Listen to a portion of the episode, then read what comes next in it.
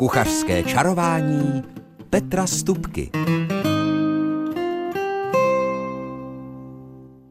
Přeji vám dobrý den, jakož i dobrou mysl a samozřejmě i dobrou pohodu k poslechu kuchařského čarování, které nemůže být v jiném duchu než před velikonočním, protože už ten příští týden je ten eh, svatý, je to ten velikonoční týden.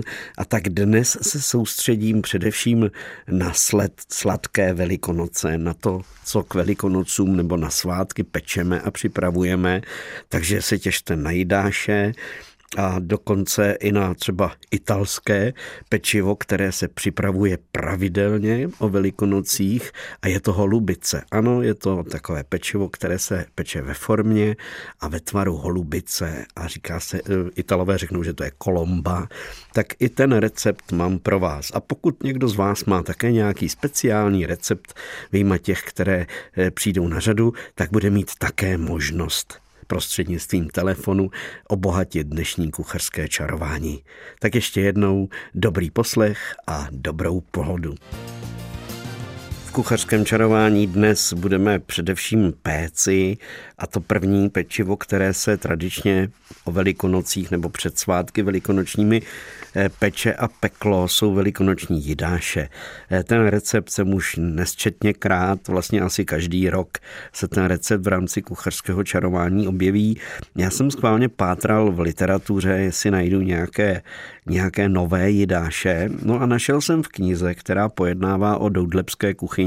Ostatně z ní eh, budu číst příští týden některé části týkající se Velikonoc v kuchařském čarování. Tak v této knize jsem našel eh, zajímavou věc.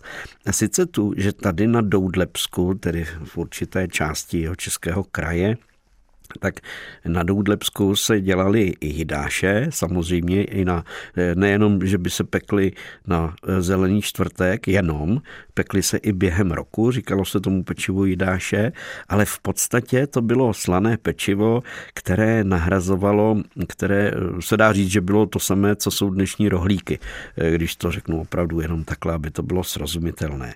A ty jidáše se sypaly kmínem, e, případně mákem, ale zpravidla nejčastěji kmínem a byly prostě slané a jedli se k polévce, takže e, to, co jsem třeba říkal, myslím si rok co rok, že jidáše se na ten zelený čtvrtek pomazávají medem a mají se pomazávat medem, a e, jako sníst, tak e, to není tak docela pravda, protože je dokázáno, že ještě za první republiky, v dobách první republiky se zrovna jidáši jedli pořád ještě na slano z pravidla k nějaké zelené polévce na ten zelený čtvrtek.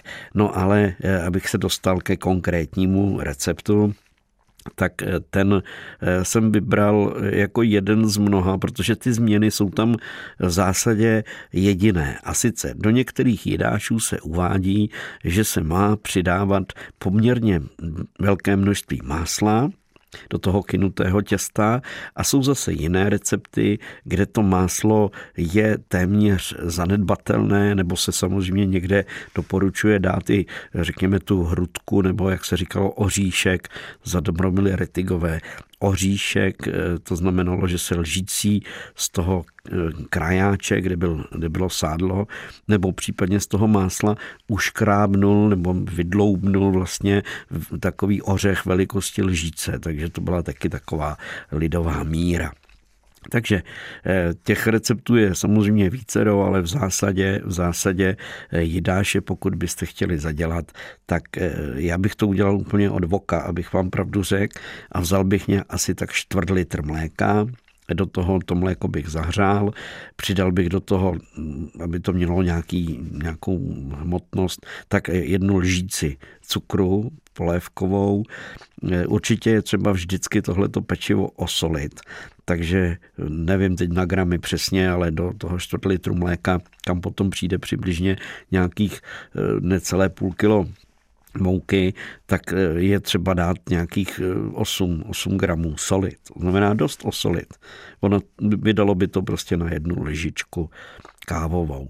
Takže znova mléko, zahřát, přidat teda cukr, sůl, potom bych tam rozdrobil půlku droždí, a přidal bych do toho takové dvě hrstě, eh, řekněme 100 gramů polohrubé mouky a důkladně bych tohle všechno rozmíchal, aby mi vzniknul kvásek. A mezi tím, co by to, než by to vzešlo, tak bych si rozehřál máslo, protože ty jedáši, když bych je, když bych je dělal, určitě bych dělal spíš ty lepší, ty s tím tukem, takže nějakých eh, od 50 do 100 gramů másla. To byl asi takto rozmezí, tak jak se to v těch receptech, které jsem porovnával, eh, vyskytovalo. A určitě bych nastrouhal citronovou kůru a e, tu bych klidně přidal už do toho másla, které se mi rozehřálo. A potom tedy podle starodávném receptu bych zároveň do tohohle toho teplého másla přidal dvě vrchovaté, takové pohodně plné lžíce medu, aby se pěkně v tom másle teplém se ten med rozpustí a e, když to máslo by nebylo vařicí, tak bych do toho ještě přidal dva žloutky. Takže by mi vznikla vlastně takováhle pěkná směs, která je tedy jenom z toho másla, je tam, jsou tam ty žloutky, je tam med a citronová kůra.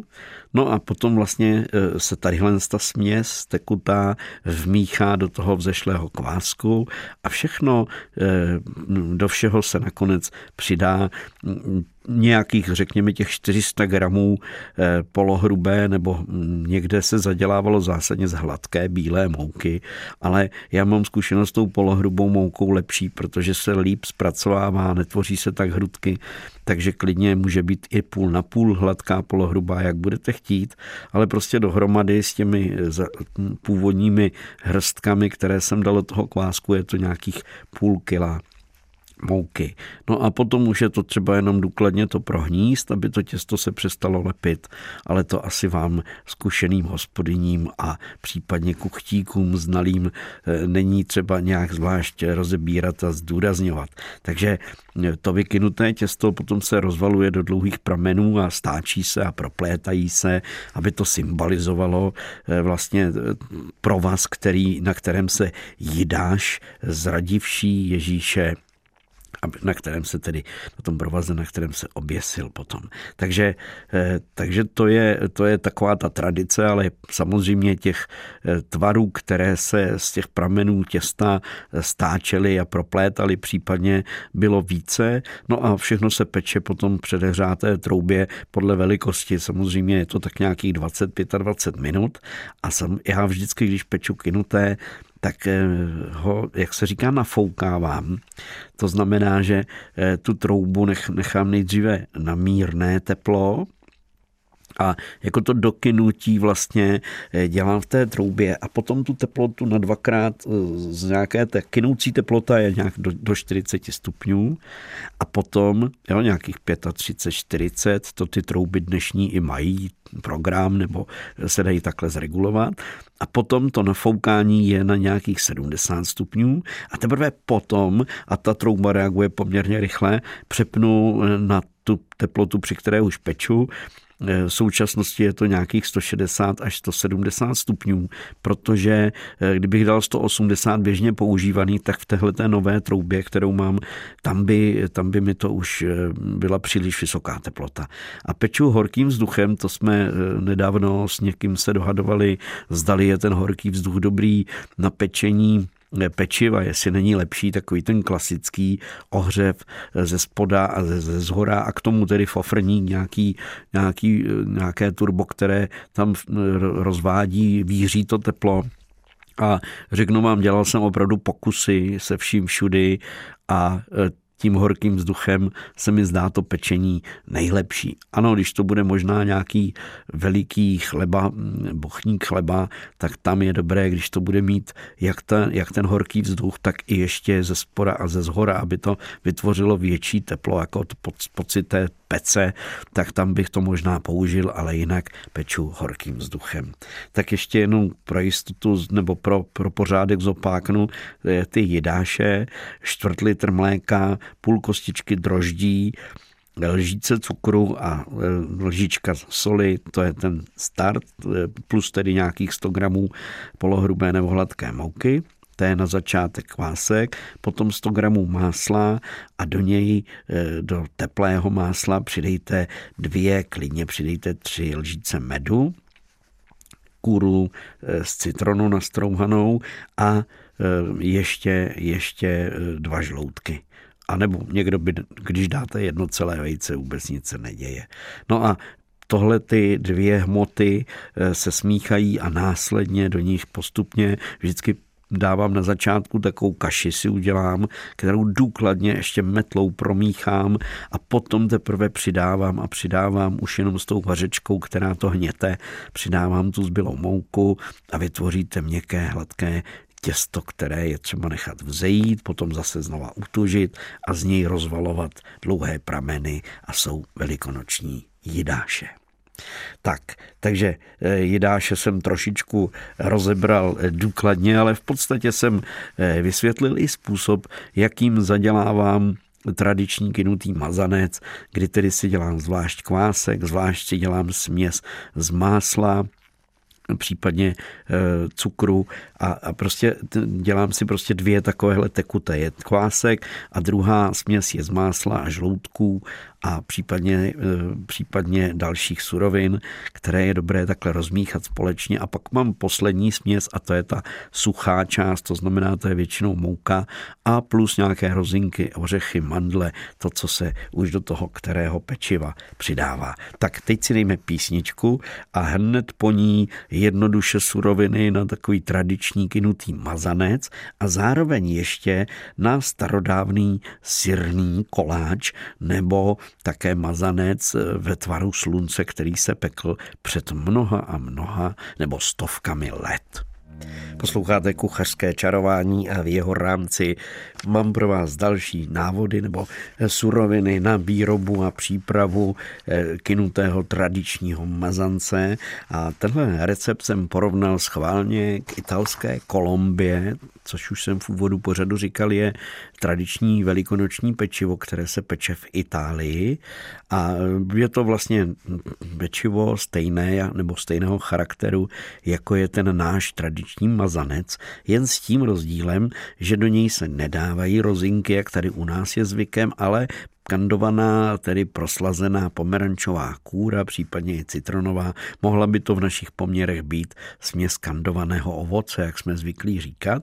A potom je tam docela solidní dávka mandlí. A ty mandle mají být nahrubo nasekané tedy ne semleté na jemnou, ale na hrubo nasekané, tak aby v tom, v té eh, jako holubici, která se potom na svá, při svácích konzumuje. A navíc jsem zažil hezký zvyk, ten je tedy z oblasti Balkánu, takové té bývalé Jugoslávie, jak já říkám. Eh, takže eh, tam vysypávají formu, ať už to bude forma v podobě té holubice nebo jiná, a vysypávají, vymáznou máslem a vysypou výrazně eh, šupinkami mandlí. Takže po vyklopení potom ta kolomba, potažmo teda ten velikonoční dort, jak třeba tomu tam i říkají, má na vrchu krásně ty opečené, takovou celou krustičku eh, s máslem, eh, s, máslem, s máslem pečených mandlí. Vypadá to krásně, jako když se to ještě krásně při potom ocukruje. Tak, takže to je tak všeobecně teď eh, ty tradiční poměry na tradiční kynutý mazanec. Já mám jeden takový lehčí, kdy na půl kila polohrubé mouky patří 70 gramů krupice a 70 gramů másla a k tomu pět žloutků a stejně tak eh, necelá, necelé deci mléka. Jo, tam v těch receptech kolikrát je třeba čtvrt litr mléka, ale to už by ten mazanec potom bylo to těsto příliš řídké, takže takové necelé deci toho mléka vanilkový cukr nebo přímo vanilkový lusk, který vyškrábnete a kůra z jednoho citronu.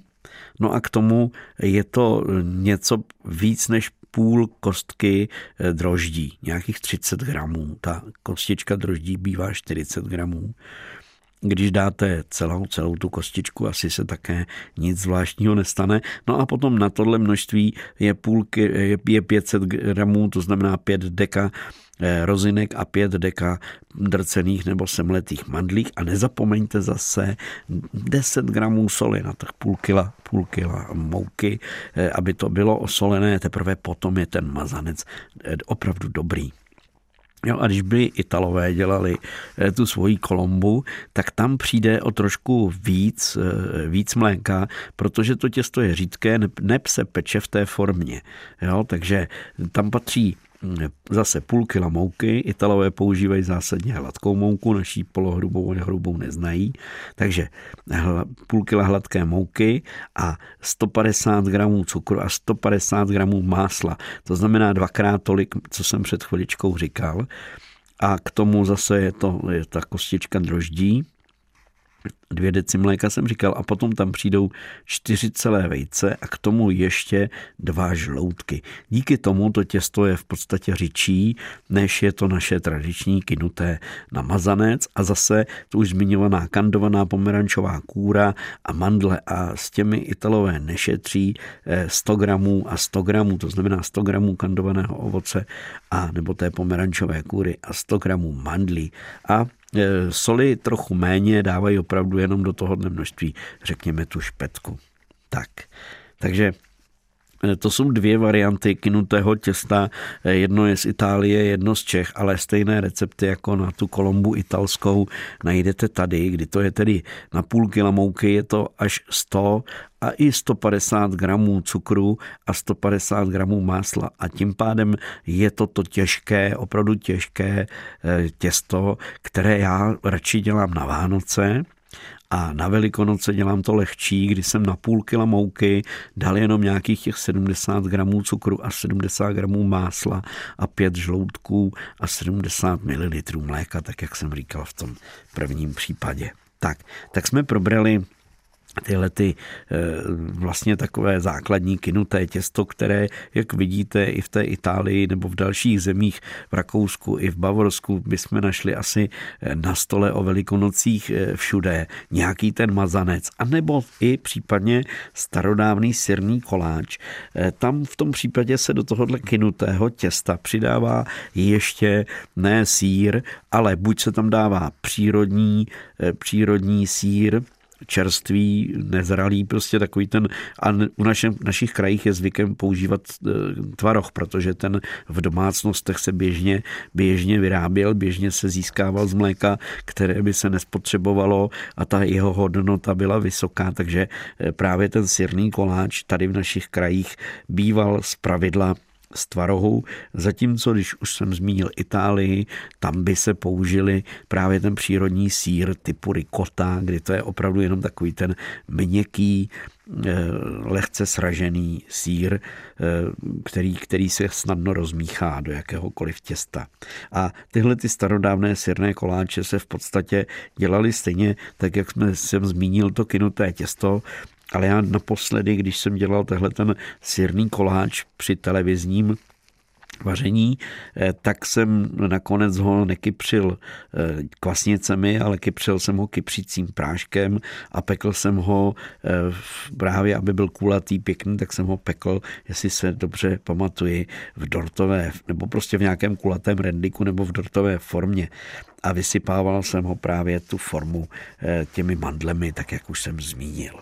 Tak já si myslím, že takové základní recepty, které k velikonocům patří, eh, máme za sebou. Pochopitelně je tady ještě velikonoční beránek, který se dělá někdy z piškotové hmoty, z piškotového těsta, nebo se také u nás v rodině se dělával eh, z takového toho máslového třeného na biskupský chlebíček. Ale to si nechám třeba na to příští kuchařské čarování, které samozřejmě bude za týden také ve znamení Velikonoc, protože to už budou Velikonoce doslova a do písmene úplně za dveřmi. Pojďme si dát teď písničku a během ní máte možnost připravit si pro nás nějaký recept, který je tradiční, velikonoční, ale jinačí trošku než ty, které samozřejmě byly teď, nebo o kterých teď byla řeč, třeba děláte něco po nějakém vzoru třeba z té pravoslavné církve, protože i tam se eh, pečou o velikonocích